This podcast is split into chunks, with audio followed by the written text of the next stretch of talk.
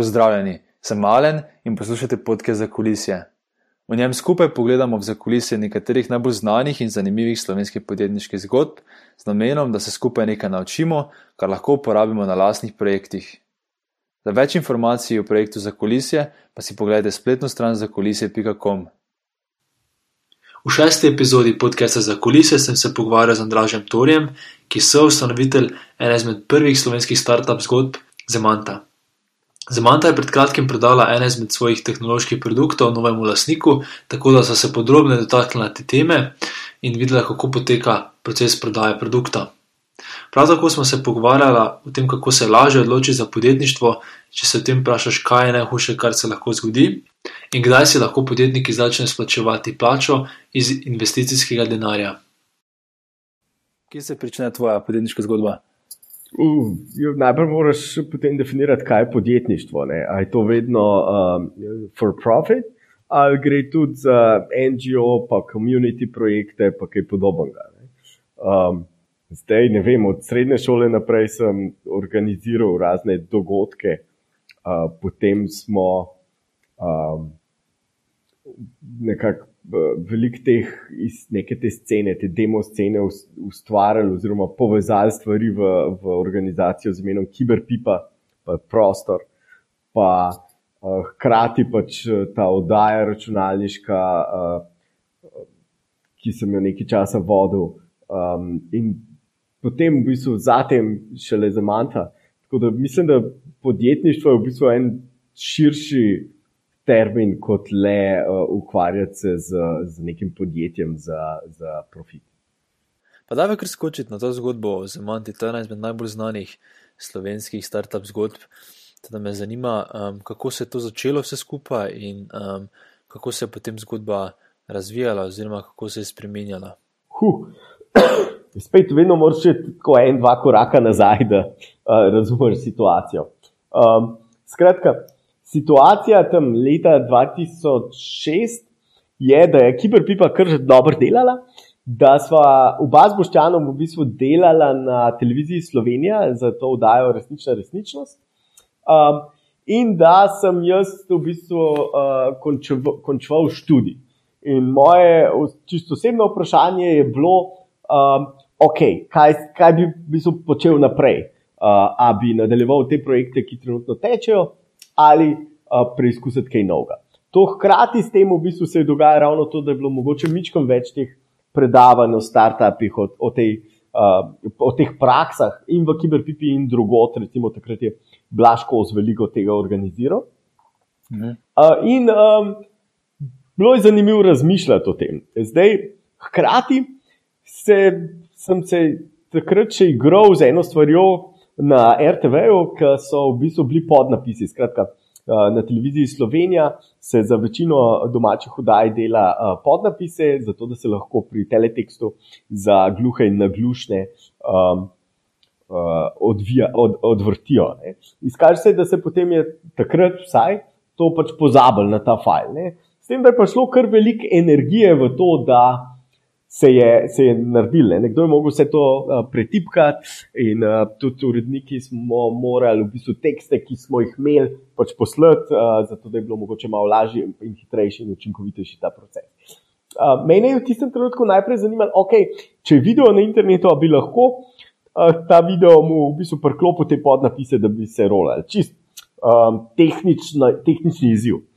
No, ko se je to dosegalo, v bistvu se je izkazalo, da dobro, zdaj imaš pa nek uh, markup file, ne, ki ima te podnapise, pa kdaj se morajo odrolati.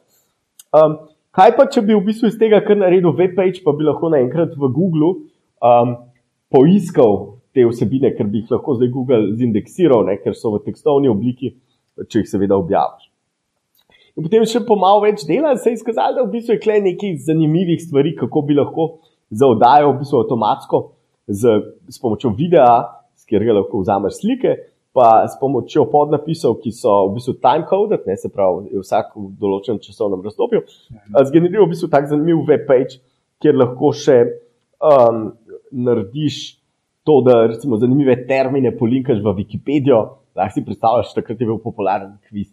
Lepo je biti milijonar, in tam imaš cel tekst tega kviza, in potem vse štiri vprašanja, odgovore tam uh, polinkaš, da ne vem, v kateri vasi je bil rojen ta pa ta in so štiri slovenske vasi in vsako, vsaka ima link na, uh, na Wikipedijo. Skratka, nek nov experience lahko narediš s tem podatki, z neki pametnimi algoritmi, ki znajo procesirati naravni jezik. Ne. Um, to vse nekako je, je nastajalo v mislih, in potem sem v neki točki rekel, ok, to je pa mogoče kar zanimiv projekt.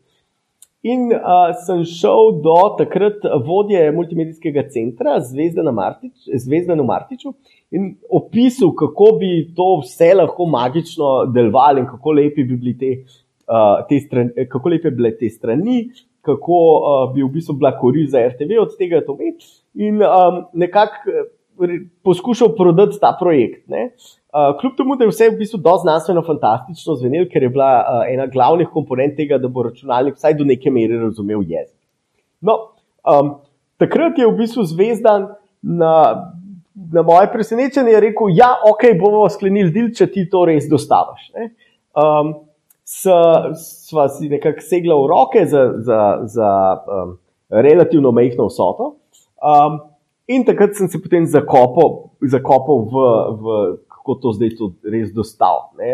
To je nekaj mesecev uh, trajal programiranja, preizkušanja, mogel sem se obrniti na uh, prijatelje, na inštitutu Jože Štefan, ki so v tistem trenutku malo več o uh, tem uh, pravi, procesiranju naravnega jezika vedeli in podobno. In potem prišel pač z tem uh, dokončanim izdelkom.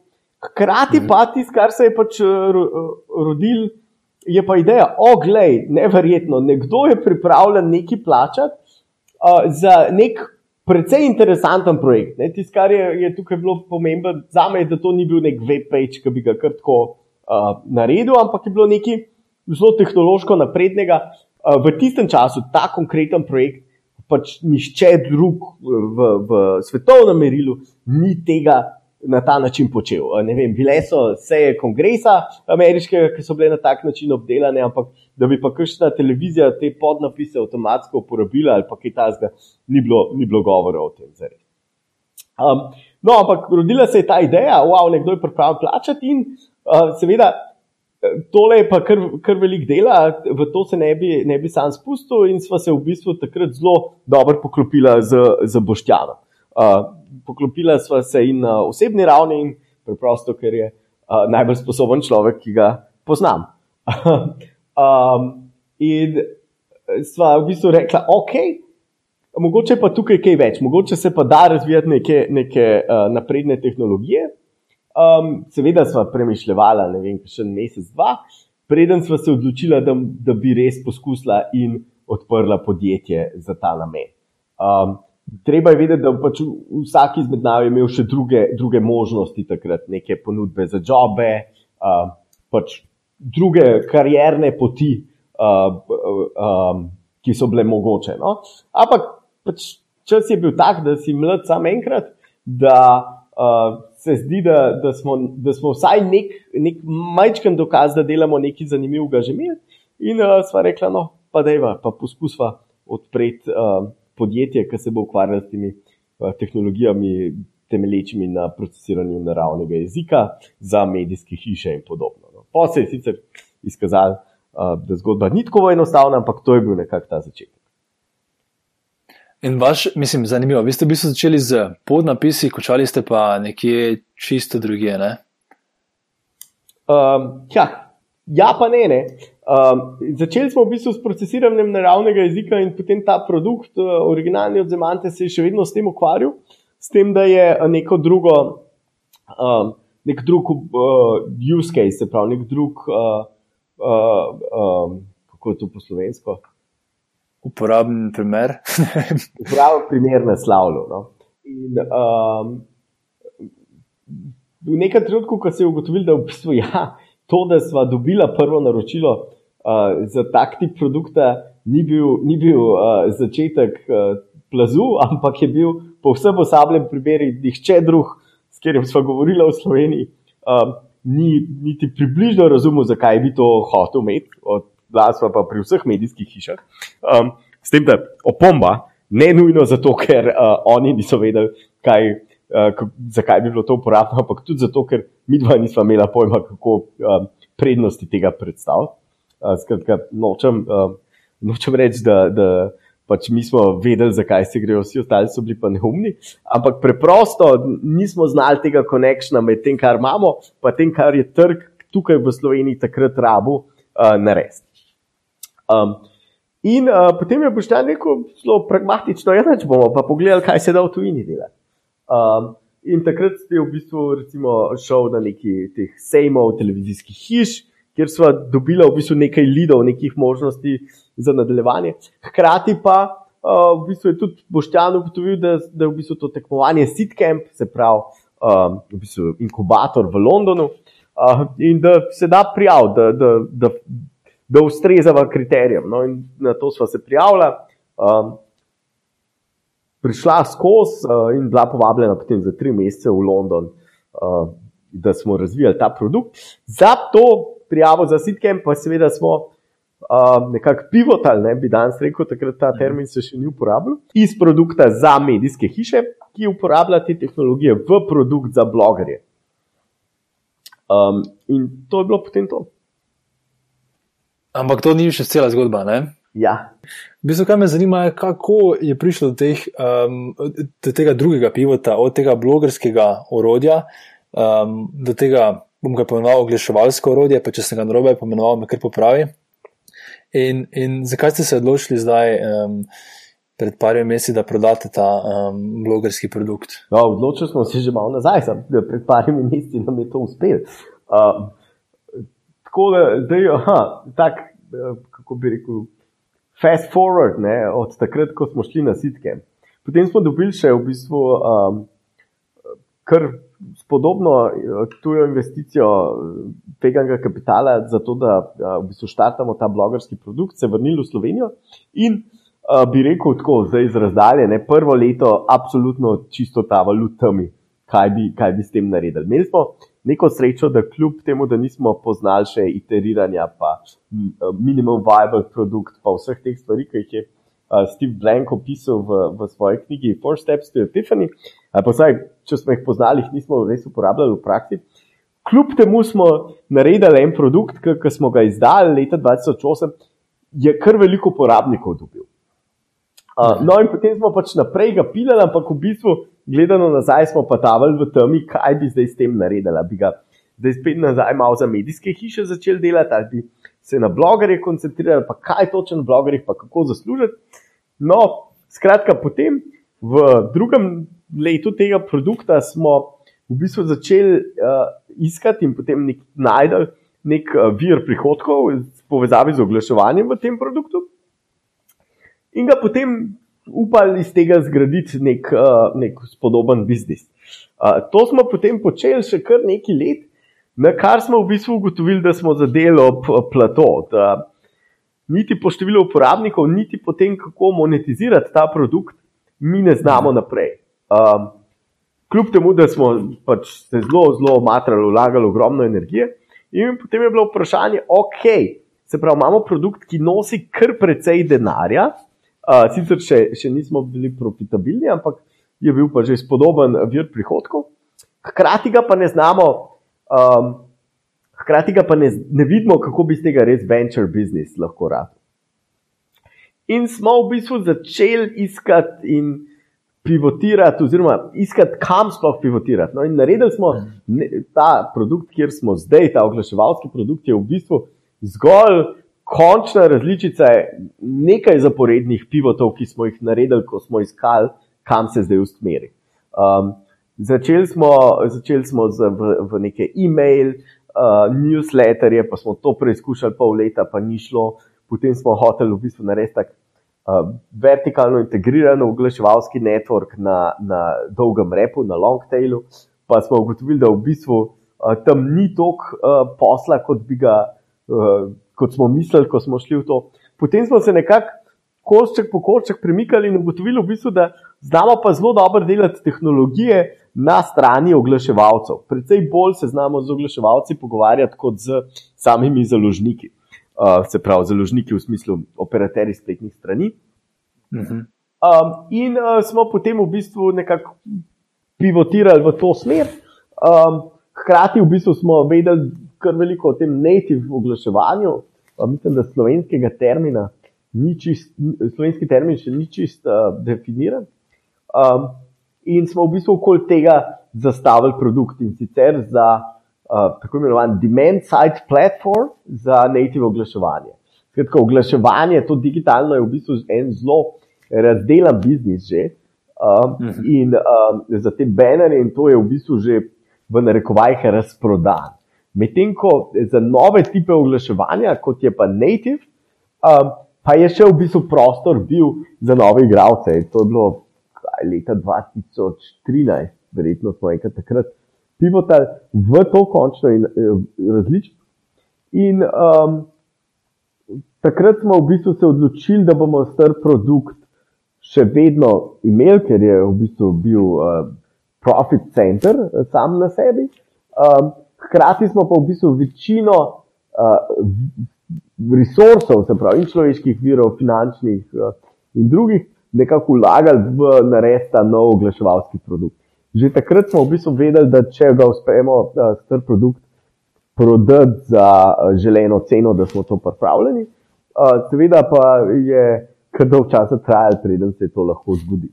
Uh, tako da to je približno zgodba teh pivotov. No.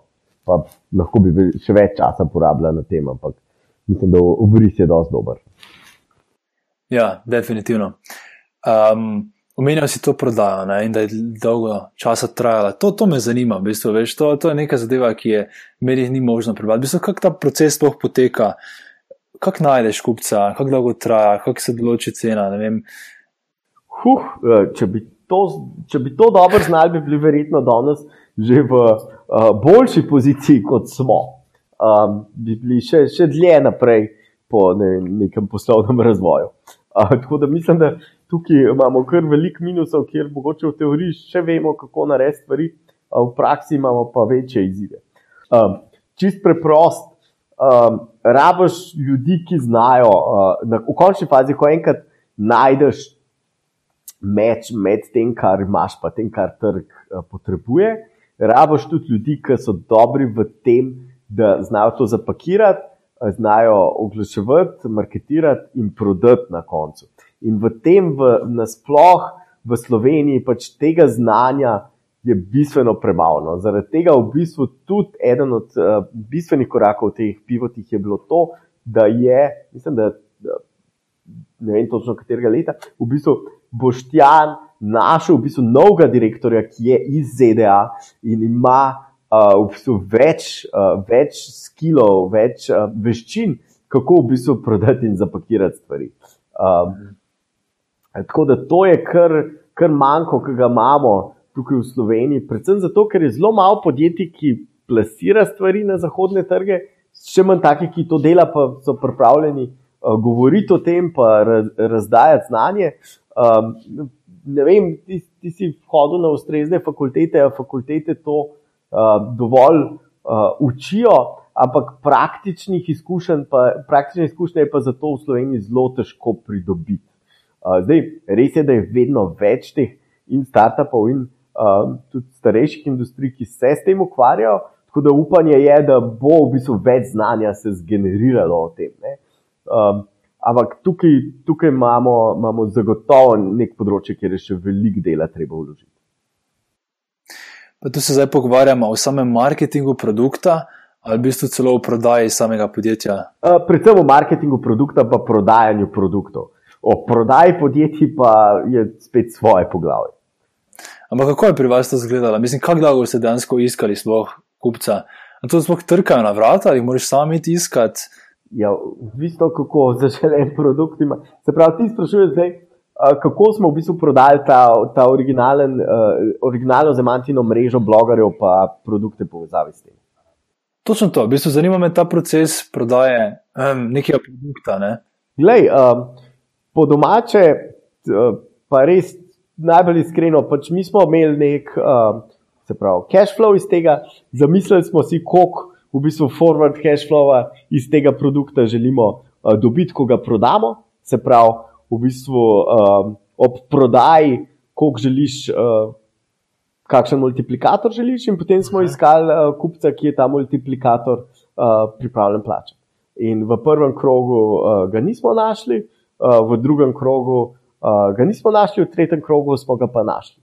Um, seveda pač iščeš, um, iščeš kupce, ki, ki jim je to komplementaren produkt, ki, um, ki, uh, ki ga znajo integrirati v svojo obstoječo ne, prodajno mrežo, mrežo uporabnikov, kakorkoli. Uh, seveda vsakmu uh, pičaš uh, tisto, kar uh, kar se ti zdi, da mu, kje, kje mu bo, če kupi v bistvu to mrežo. Ne? Mi nismo v bistvu prodali podjetja, mi smo prodali produkt skupaj z uh, na eni strani uh, uporabniki, na drugi strani kupci uh, tega oglaševanja v tem.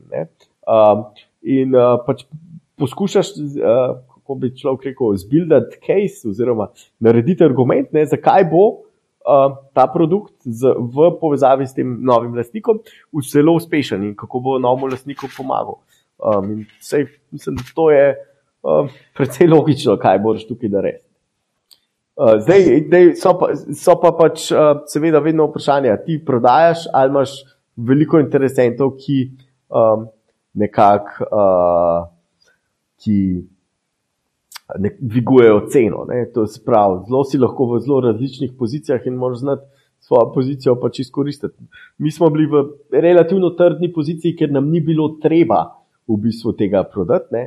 Uh, in smo lahko pač rekli, da pri taki vrednosti, uh, ko najdemo prvega.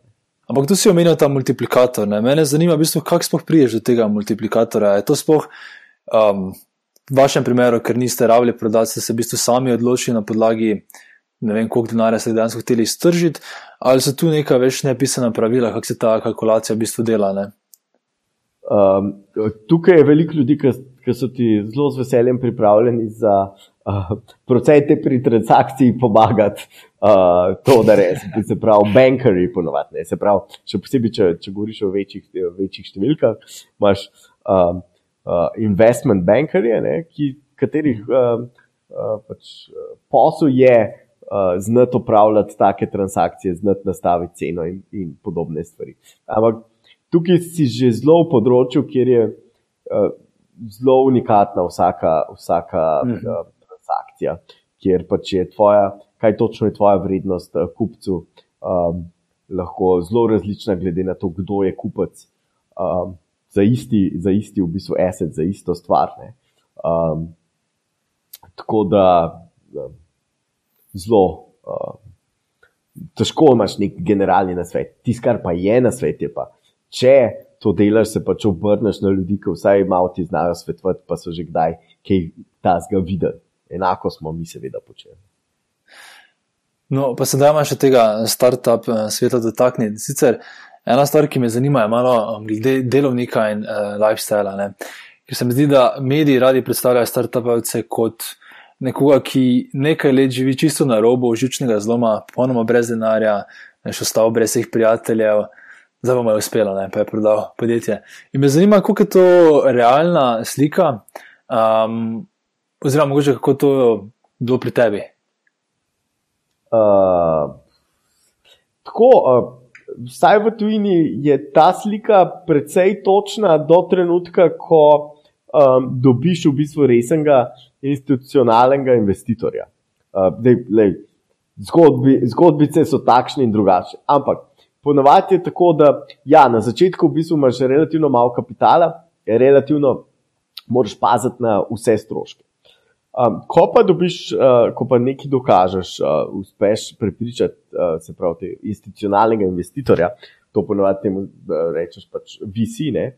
Um, uh mhm. -huh. Je pa tista stvar, ki jo investitor sam želi, to, da ti kot podjetnik uh, si dovolj dobro kompenziran, da se ne ukvarjaš z, um, v narekovajih, postranskimi stvarmi ali pa stvarmi, ki bi te lahko upočasnjevale, um, mhm. zato da lahko čim več časa in energije um, usmeriš v to, da, da pač gradiš podjetje. Uh, ne vem, lahko si predstavljaš, oni ti. Um, dajo denar za to, da, da ne razmišljaš, da se lahko usedeš na letalo, pa odletiš k potencijalni stranki. Da ne razmišljaš, joj, uh, če bom pa vstal še eno uro, bom pa zadnji bus zamudil, uh, potem pa ne bom mogel domov, ampak rečeš, ok, bom pa dal ti znak, kaj je treba za taksi. Um, se pravi, je v njihovem interesu, interesu investitorja, da um, pač podjetniku. Um, Da podjetnik ima nekako odstranjene vsaj tiste eksistencialne probleme, zato da se res lahko posveti uh, gradni podjetja. Kar pa ne pomeni, da pa ni vsega tistega stresa, ker stres prihaja pa še iz druge strani, v tem, da uh, vsak startup ima vedno tako imenovani runway oziroma pristajalno stezo. Um, vedno veš, koliko približno imaš denarja, da če, če ti ne prodaja, ne zraste uh, res uh, za, za velik faktor, ali pa če ne dobiš uh, novega, novega investicijskega denarja, da boš mogel zapreti, oziroma da boš propadel. In uh, ta ura je vedno tik taka. In uh, ta stres, ki, se, ti je mogoče odstranjen, s tem, da nekako investitor želi, da nimaš eksistencialnih problemov, se uh, seveda dvojno vrne v tem, da imaš enkrat eksistencialne probleme z, z tem, ali bo podjetje uspelo ali ne. Mhm. Škaj me pa specifično zanima, rekel si torej kot biš investitorja, on tudi želi, da si na nek način uh, eksistencialno zagotovljen. Ne? Ampak to se verjetno začne ne že pri seed investiciji ali tudi. Odvisno, kje si v Sloveniji, ZDA ali kje druge. No, pa mislim, da ima se tu potem dotakniti. Naprimer, lahko mi na konkretnem primeru poveš, um, ti si tudi sam del silicijevih vrtičkov. Tako je. Kako izgleda, mislim, Slovenije to? Torej, vi investirate bolj ta seed, seed investicije, ne? torej manjše, koliko so zneski? Od, 20 evrov. Od, ja, v, pač v razmi, rangu od 15 do 40. Če lahko mogoče razložiš, kaj je namen, um, ko investitor da tako vsoto, kaj je namen, da se vso, to vsoto naredi, pa potem, če primerjaš mogoče z A, pa B, rundo, kaj so v tem primeru, kaj je v tem primeru bolj namen uh, tega denarja. Zdaj, ja, zakaj namen, se ga porabi? namen teh seed investicije je ponovadi predvsem to, da, da ta founder, se pravi ustanovitelj ali pa dva ali pa tri, če so, jim ni treba še, še v službo hoditi v tistem času, ko preizkušajo, a, a neki na tem je, kar, kar delajo. Um, se pravi, to je lahko od 3 do 6 mesecev, um, ta čist najbolj začetna faza. Uh, in pač cel cilj je to, da lahko um, ta ustanovitelj pač vsaj za trenutek odmisli uh, čiste eksistencialne težave in se posveti temu, da preizkusi, ali je kaj na tem ali ne. Če, če je, če uspe dokazati, da se da tukaj neki zrast, oziroma vsaj neki indikator, je pač potem naslednja, uh, naslednja faza investicije. Um, navadno v bistvu se poskuša za vsako fazo investicije, pol naslednjo, zagotoviti, če, če je le mogoče, dovolj denarja, v bistvu, da podjetje funkcionira tam približno leto do leto in pol. Uh, vsaj tok, no, uh, v, tisti, v tistem obsegu, ki je predviden, uh, mogoče že z nekimi prihodki ali kakorkoli, zato da v bistvu spet se pravi, ok, na začetku imaš eno zelo kratko obdobje preizkušanja uh, vrednosti. Potem, če, če se nekaj dokaže in se zagotovi, mogoče malo več finančnih sredstev, je ideja, da bi mogla te sredstva trajati um, tam od enega, enega leta do leta in pol. No. Um, bistu, če se vrnemo na ta seed, pa na Silicon Gardens, me zanima ti ljudje, ki se prijavljajo na, um, k vam, torej za investicijo. Ne? Kaj so tiste, tiste lastnosti, ki jih iščete pri nekomu, ki mu zaupate, potem mu date investicijo?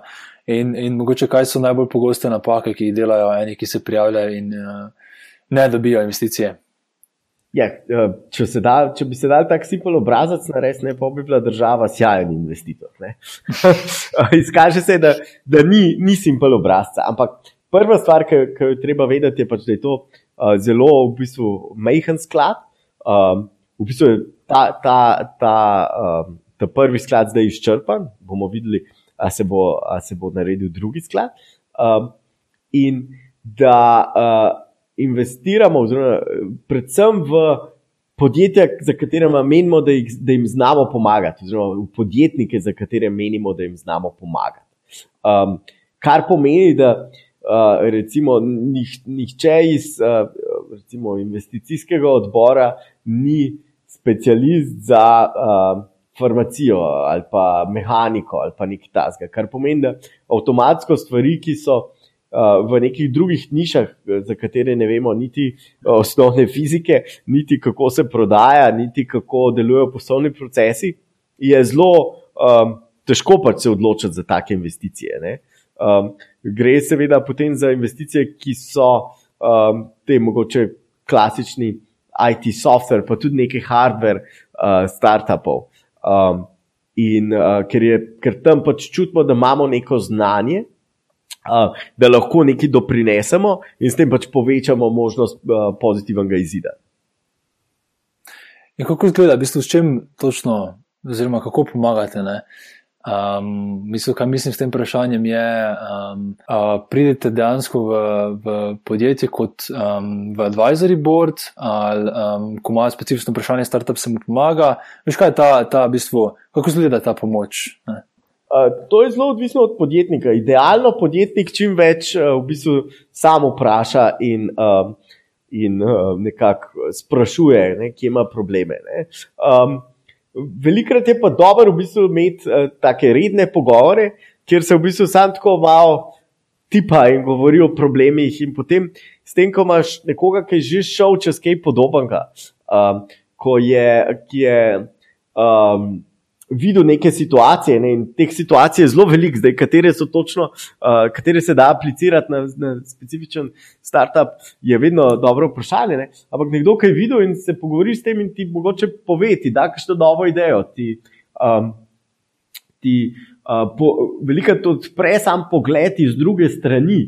Um, da lahko potem podjetnik samo v bistvu reši idejo. Ne, ne vem, imaš podjetnika, ki je dobil uh, znatno investicijo in sedi na njej. In, uh, kot kot v bistvu ta 20, ki vprašaš, le, ali misliš, da si dobil zdaj tukaj investicijo za to, da, sediš, da, da sedi v banki. Ne, dej, cilj je to, da nekaj narediš s tem, da, da uporabiš te resurse. Ne, imaš, ne vem, se pogovarjaš z drugim podjetnikom, imaš drugačen izziv. Uh, razloži, da prodaja v bistvu teče super, samo. Um, zdaj, zdaj uh, prodajnik uh, je polno zaseden ne? in začneš vrtati, ok, kaj pa ta prodajnik dela, a skrbi za pač nove prezentacije, dela nove stranke, išče kaj. Ja, večino časa v bistvu, ko proda. Um, Uh, se ukvarja s tem, kako bo zdaj to dostavljeno, pa aj, aj je stranka zadovoljna. Rečeš, okay, lej, prodajnike je zelo težko najti, dobre, um, Medtem ko mogoče ljudi, ki so dobri v tem account managementu ne, ali pa ki imajo izkušnje, um, je pa mogoče lažje najti. Ne. Kaj če bi mogoče, če nimaš resursov, koga iz svojega tima, ki je dober v, v, v, v bistvu sodelovanju z stranko, ko, ko enkrat imaš stranko, pa ne rajš on prevzame stranko, pa bo lahko imel prodajnik v bistvu več časa, da išče nove stranke. In to sta zdaj dva taka uh, ja. ključna primera. Podjetniki imajo ali probleme, ki se jih zavedajo, ali pa ki se jih ne, in priložnosti, ki se jih zavedajo, ali pa ki se jih ne, uh, ki jih je veliko in vedno je dobro, če se pogovarjajo z nekom, ki mu zaupajo, ki bo znajo uh, povedati, uh, kaj se jim dogaja, da jim ta ali pomaga odgovoriti na eno vprašanje, ali pa v bistvu tisto, kar je uh, največ vredno, um, zastavi neko vprašanje, ki ga niso pričakovali. Um, in si v bistvu potem sami pridejo do odgovora. In to enako v, bistvu v drugih vlogah se tudi nam dogaja z našimi investitorji, z našimi svetovalci, ker je bilo tisto, kar je največ vredno, velikrat vprašanje, čist nepričakovano, ki uh, te ti malo mal spremeni v bistvu pogled, kako bi lahko uh, nekaj počel. Za omeni si ta dva na ključna um, primera, v bistvu, kaj, v čem so ti startupi slabi, oziroma kakšne napake so delali. Ampak me zanima, če je nek vzorec, če si opazil, kaj pa je ena zadeva, dve, tri, čemer smo pa slovenski startupi na splošno bolj šipki. Ja, najprej, um, moj vzorec verjetno ni um, tako širok. Um, verjetno, če, če vzame se knjigo v roke kakšnega uh, angelskega investitorja, ki je videl 100-200 podjetij. Um, predvsem pač v tujini, uh, bo znal veliko več vzorcev um, uh, narisati, potegniti. Um, tako da, da to je težko neki pametujem. Um, Tisto, kar, tist, kar, kar za Slovenijo, um, večkrat, tako, zdaj spet, mičkan si me, si me na, na, na pačni nogi ujel, da bi ti dal nek tak zelo celovit odgovor, ampak stvari kot so. Um, Potreba potem, da, da je podjetje mednarodno upeto, da je podjetnik tam, kjer so, kjer so stranke v končni fazi. Um, znanja iz prodaje, prezentiranja produktov, kako zapakirati te produkte. Um, In um, to so recimo stvari, ki kako gledati na konkurenco, um, kako tekmovati uh, v, v tem zelo brutalnem, v bistvu, uh, podjetniškem svetu. Um, zelo težko je no, izpostaviti en, en uh, primer, uh, kaj bi rekel, da nam manjka. Um, tako bolj kot ekosistemu, ja, zagotovo znanja iz prodaje, znanja iz marketinga na, na zahtevne uh, trge, um, povezanost v smislu, uh, pač imeti dovolj veliko kontaktov v industrijah, v katerih deluješ. Um, če si predstavljaš, uh, je to noro pomembno, zato se industrije v, v, v, v svetu v bistvu klastrajo, gro, grozdijo v neke uh, centre. Ne, um, ne vem, če govorimo o modi, verjetno govorimo o Milanu, Parizu, Londonu, New Yorku. Uh, če govorimo o računalništvu, govorimo o uh, Silicon Valleyju, pa še nekaj centrih po Ameriki. Če govorimo o hardwareu, pa govorimo o Shenzhenu. In količina ljudi tam, ki nekaj zna iz teh specifičnih področji, je tako, tako, um, tako neverjetno nepredstavljiva če, za nekoga, ki, ki je skozi tu in pač tukaj poznaš dva človeka, ki se ukvarjata z nečim podobnim kot on. Da mhm. v bistvu prebiti to, to blokado in reči, da pojdi tja, pogovarjaj se. Obstaja ogromno ljudi, ki, ki delajo s tem in veliko vejo že o tem, kar počneš. Uh, Najda, a obstaja kakšen kompatibilen, se da s kom sodelovati, se da kaj potegati. Um, velikrat v bistvu podjetniki, ki grejo v tujino, no, si rezervirajo karto za en teden. Um, Jaz pač, a, po možnosti za idejo, da bodo kakšen funding iskali ali kaj tasga.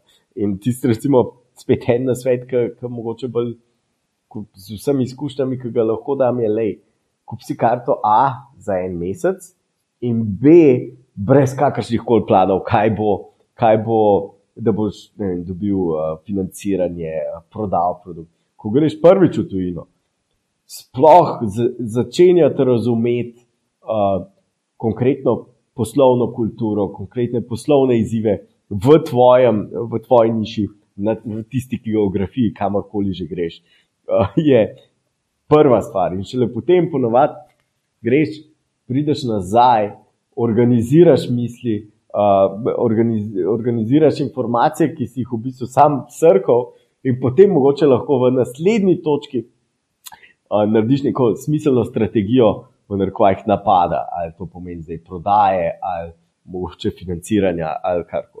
To, da v bistvu se pojaviš v San Franciscu in rečeš, fuj, jaz imam pa uh, zdaj najboljši X in zdaj bom zagotovo dobil financiranje. Uh, tam, tam je ljudi z najboljšim X-om in Y-om toliko, da uh, nimaš nobenih šans, če, se, če res se ne pripraviš, če res ne delaš v bistvu premišljeno. To. Da imam preiti na mm, par zadnjih vprašanj, ki jih imam za tebe. In sicer z prvim vprašanjem bi rad malo spodbudil v Sloveniji, um, torej, da se malo delijo ideje, ker se spomnim, kolikrat mi kdo ni hotel povedati ideje, ker je, hotel, um, ker je bil prestrašen, da bom je vzel. Se mi zdi, da moramo malo spodbujati to. In zato me zanima, če imaš sam mogoče kakšno poslovno idejo, ki se ti zdi kar kul, cool, ampak sam nimaš časa, da bi se z njo ukvarjal in bi jo delil z poslušalci. Uh, uh, Zdaj le nimam nobene v, v zadnjem žepu, da bi jo tako razkril. Uh, je pa priložnosti, ki jih v bistvu, predvsem, ko, ko delaš stvari. Ne? Zdaj, uh, recimo, takrat sem bil na, na televiziji Slovenija, pa sem marsikaj videl, kar bi se dali izboljšati.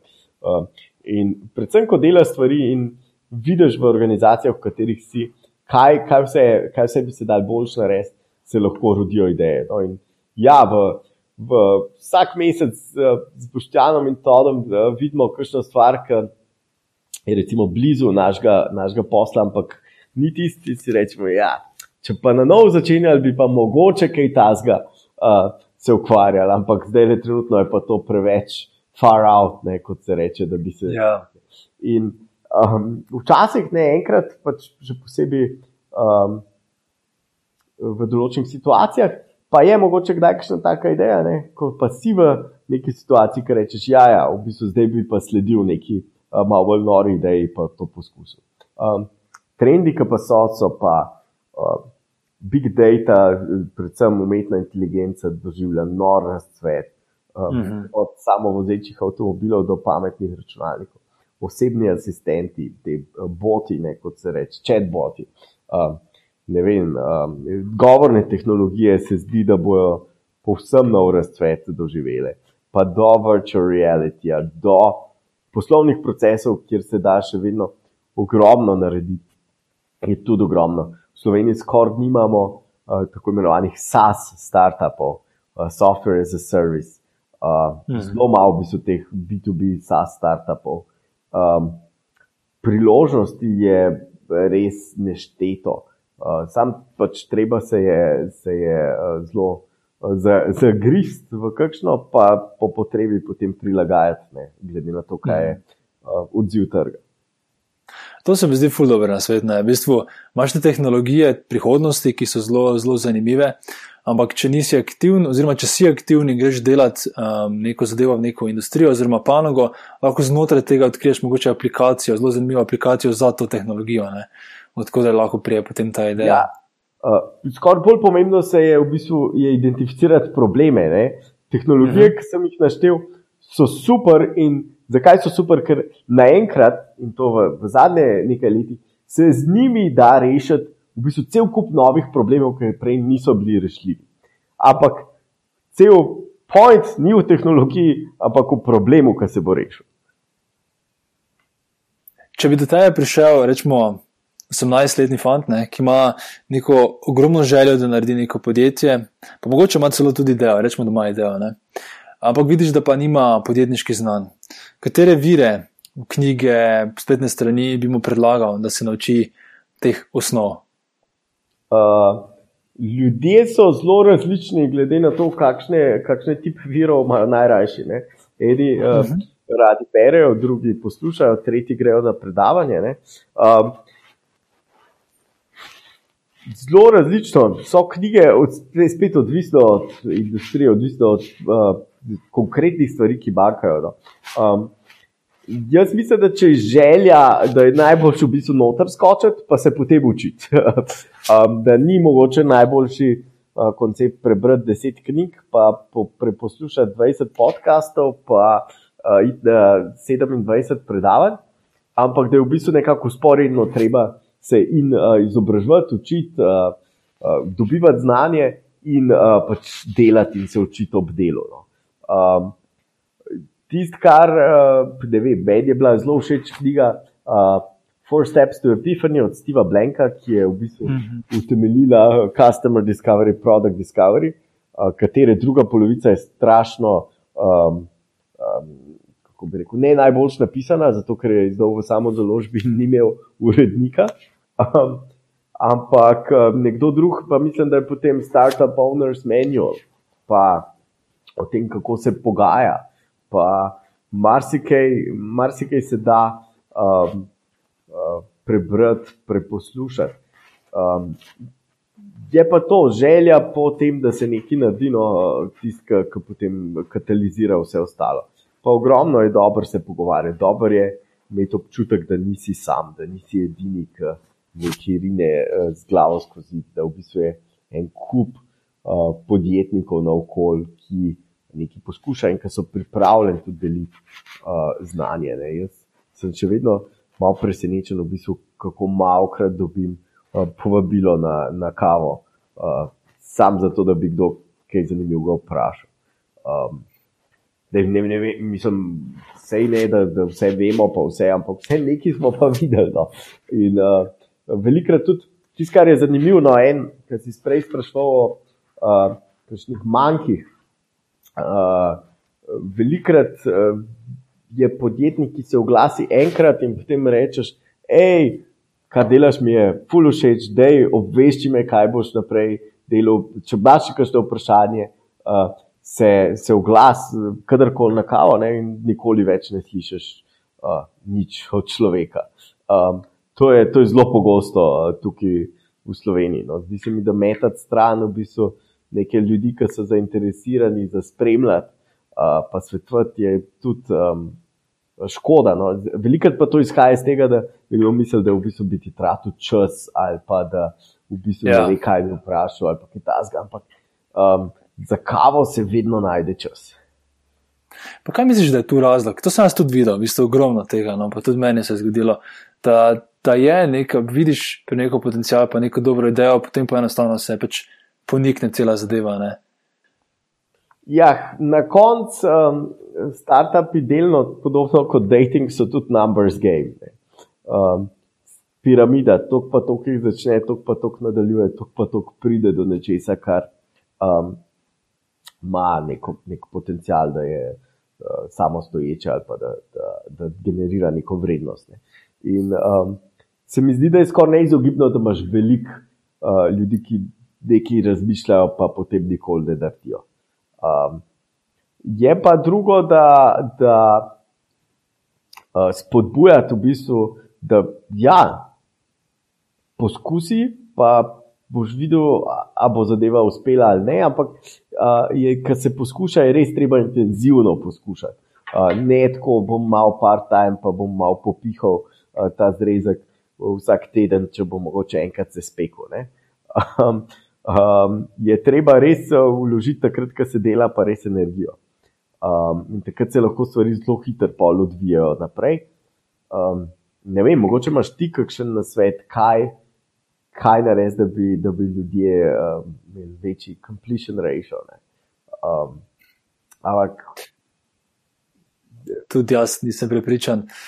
Um, mislim, prva stvar, ki mi pride na pamet, ampak jaz ne bi iskal v tem uh, razloga, ampak mislim, tudi malo primanjkuje teh investicij. No. Uh, mogoče malo si kdo, mogoče niti ne primanjkuje investicij, ampak mogoče primanjkuje poguma, da se gre in da se te investicije pridobi, kot si sam rekel, naj bi so ta. Ta začetna investicija, da se poskusi narediti nekaj. Ne. In koliko dobite vi sploh? Um, dobite dost sploh um, popraševanja oziroma teh aplikacij na um, Silicon Gardens ali je to bolj tak res, se že tam vidi, da se ljudje že sami filtrirajo, ker enostavno ne upajo. Uh, definitivno bi si želeli več popraševanj videti.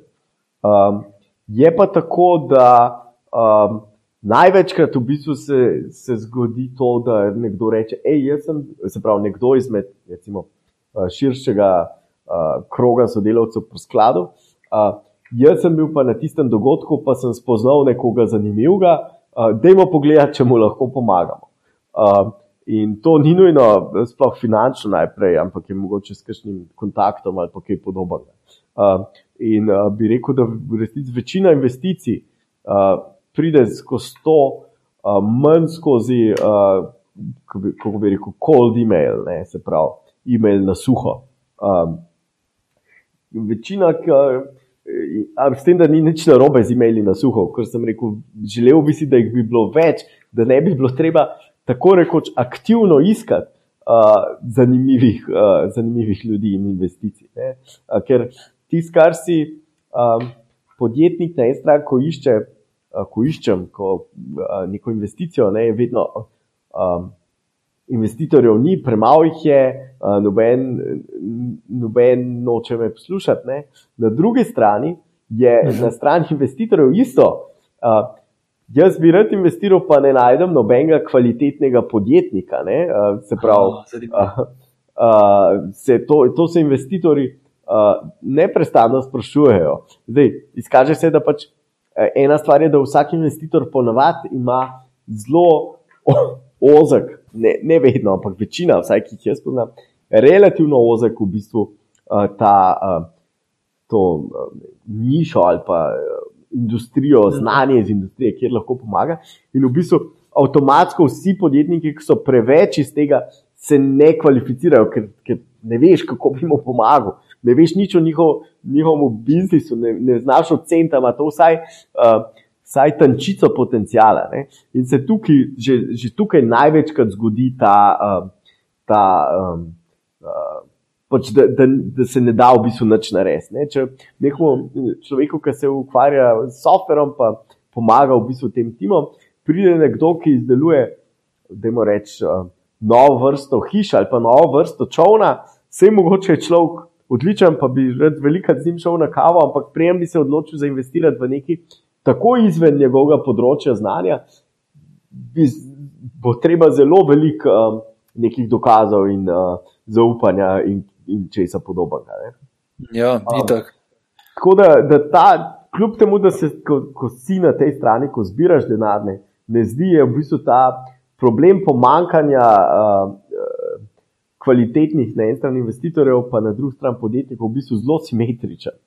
Um. Zanimivo. Sem imel drugačen občutek. Ampak veš, kaj je še meni zanimivo, zdaj, uh, ko smo se pogovarjali, zakaj se to dogaja. Po moje, uh, moja trenutna teza je, da je tudi tu nekaj povezano z našim mindsetom. Ne. Vseeno se mi zdi, da pač iz našega izobraževalnega sistema izhajamo ljudje, ki smo malo bolj nagnjeni k varnosti, pa k uh, Ja, mreko varnosti. Ne. Mislim, veš, veš koliko malo ljudi, po mojem, ki bi v tistem trenutku, če gremo nazaj, ko si prej razlagal pri Zamanti, da ste imeli možnost, oziroma ste imeli ponudbe za službo, pa ste si raje odločili razvijati lastno podjetje. Mislim, po mojem, res ni dosti ljudi. Um, jaz, v, v recimo tistem trenutku, ko sem se odločil, sem imel že zgodovino nekih, uh, nekih prihodkov in se nisem bal, da če ne, če ne bi za manta šla, da jaz ne bi uspel najti službe ali pa najti nekega načina za pridobivanje prihodkov čez ne, pol leta ali pa eno. In um, se mi zdi, da je to tisto, kar velja v resnici za večino podjetnikov. Da sposobnosti, ki jih imajo, uh, so take, da res, če pač ne uspe nekaj, bo pa našel nek job, ki, v katerem je dovolj dober, da mu ne bo, ne bo hudega. Um, ali pa i ne bo. Ne?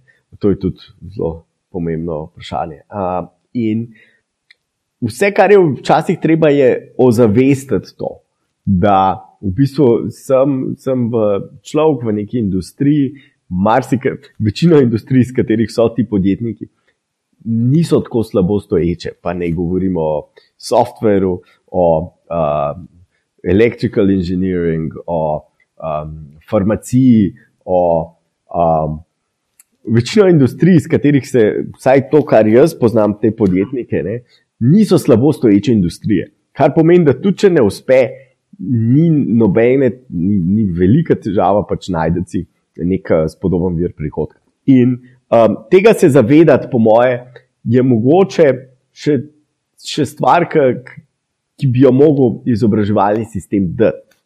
Mm -hmm, to, da, ja. to, da nimamo, um, da, da, da pač fakultete ne objavljajo natančnih podatkov o zaposljivosti svojih uh, študentov, uh, se mi zdi uh, kar velik problem no, uh, v Sloveniji.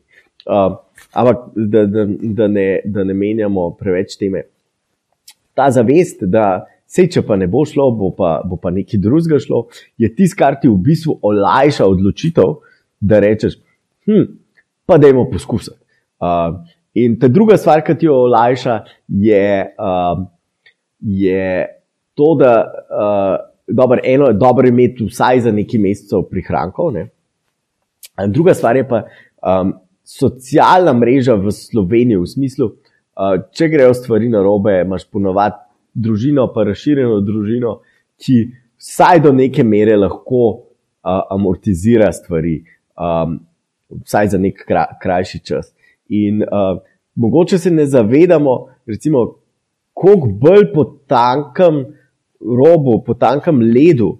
Um, Hodijo podjetniki v, v družbah, kjer pa ni v bistvu teh varnostnih mrež uh, tako mhm. razvitih, recimo ZDA. Uh, tam res, vse uh, so tudi dokumentirani primeri, zdaj spet na zgodbicah, ni dobro sklepati, uh, delati posplošitev, ampak kjer pač nekomu, ki ne gre, na koncu postane dobesedno brezdomec in to v, v, vem, v, v, v relativno kratkem časovnem obdobju. Um, bi človek pričakoval, v bistvu, da zato, ker imamo vendarle več, um, več uh, uh, teh varnostnih mehanizmov, vključno z splošnim zdravstvenim zavarovanjem, ki ne glede na to, uh, da ima svoje izzive, pač je, je vseeno, recimo za ZDA, precej nepredstavljiva zadeva. Mhm. Um, Te varnostni mehanizmi so tako močnejši, da bi v bistvu človek pričakoval, da uh, bi več poskušali. In velikrat gre v bistvu ravno za to ne, samo zavest ali pa prepričanje, da, da se na koncu bo, bo v redu, bo, bo že se izšlo. Uh, tudi mogoče ena od bistvenih stvari, ki jih je naredil, uh, če poznaš uh, Hozeja iz Prekmorja, uh, predlagam, da ga enkrat tudi intervjuješ, je v bistvu naredil fail conference v Sloveniji, kjer so ljudje v bistvu razlagali, um, kako niso uspeli. In izkaže se, da so tiste precej traumatične, včasih precej traumatične zgodbe. Ampak tisti ljudje so še vedno tam in so čisto v redu in so, se, so prebrodili krize, v katerih so bili. Um, In uh, delajo zdaj naslednjo svojo zgodbo. In to slišati, da, da je to nekaj, pač, ne nujno zaželjenega, ampak je pa nekaj, kar je pač običajno, v, uh, in da, da, da je izid ponovadi uh, pozitiven, vsaj, uh, vsaj emocionalno, če že ne um, finančno, je nekaj, kar pomaga. No. Ti, ti zelo priporočam, da pogledaš Fail Conference, pa um, Jose Morales, ki se je um, preselil v, v prekmurje nekaj let nazaj in goji v bistvu to. to uh, Ta komunity, no, okoli tega prepričanja, da uh, mhm. sej, ljudje vsi fejlamo v čem in se poberemo in gremo naprej in naredimo kaj zanimivo bi pa ne vsega, vsega uh, nekako obesil na šolski sistem. No. Zdaj, tukaj imamo tudi uh, starše, tudi uh, ja, ja. drugega, ki, ki nekako teži. Lej, če, če dam posebno anegdoto, no, ko, ko sem um, pri nas v bistvu doma, uh, starši uh, imajo manjše podjetje in ko sem rekel, da bom tudi jaz uh, ustanovil podjetje. Um, je, bilo, je bil odziv, joj, nikar. Um, v, zakaj? Um, odziv je, gledaj, sej to, nam, to, to je prinesel nekaj, nekaj pozitivnega materialno, ampak stres, ki je bil pri tem uh, uh, pač udeležen, energija, ki je, šla, ki je šla v to, jaz pač malo karikiram, jaz malo je rekla, jaz ti kot starš ne prvoščam tega, ker je, um, da, da je raj si najti neko, neko redno, redno um, službo, uh, bom, bom jaz bolj vesela. Um, seveda, da mičkam karikiram, pa pretiravam, uh mhm. -huh. ampak um, je ta odnos, da joj, zakaj bi se, zakaj bi se tako matrali, če mogoče ni treba, če so, če so bolj izi poti. Um, no, izkazali se bo tisto, kar jaz uh, na drugi strani je tudi to, da te izi poti se, se mogoče vseeno bodo, bodo zaprle, te najbolj izi poti, tipa državna služba in podobno. Izi v smislu, da um, so, da zgledajo v bistvu kot trajna rešitev. Um, uh mhm. -huh. In um, se mi zdi, da, da se bomo mogli navaditi, da v končni fazi bo precej več ljudi v bistvu menjali uh, bolj pogosto službe kot kot se jih je.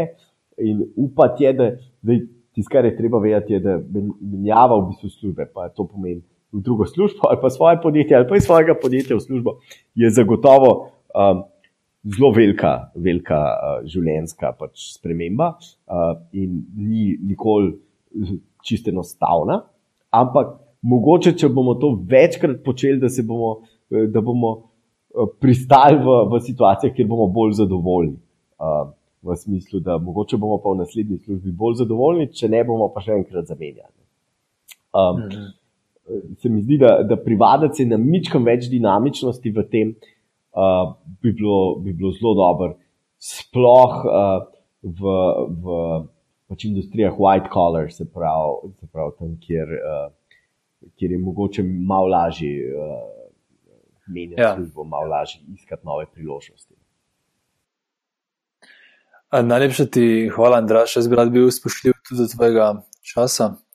Um, kot zadnje vprašanje, samo prej si omenjal, da ti premalo ljudje povabijo na pijačo. Me zanima, kje ti, ki so poslušali dejansko do konca podcast, uh, si verjetno zaslužijo, da te kontaktirajo, kje te lahko najdejo, kako lahko pride v stik s tabo. Uh, Andrazafna, zeman.com. Uh, včasih ne odgovorim na prvi e-mail, ne se vdati. Um, drugač, to je zelo dober. Um, Zelo, zelo dober point. No. Tisti, ki so, ki so poslušali do konca, ponovadi, če me kdo vpraša na suho, rečem, lej, če pa ne znaš niti kontaktirati me, pa imaš pa res problem. Um, v smislu, da v Sloveniji pa res ni človeka, ki če si, če si zamisliš, da bi rad prišel do njega in bi rad 5 ali pa 15 minut njegovega časa, da se to ne bi dal narediti. Um, za nekaj researcha pa, pa se da vedno narediti. Lej, če, po moje, če, če nekdo si želi strašno govoriti s predsednikom, aha, bo tudi do njega brez večjih težav prišel. In, in potem, kar velja potem za vse ostale, še, še toliko bolj. Hvala, Andrej, še enkrat. Tako, to je vse v današnji epizodi.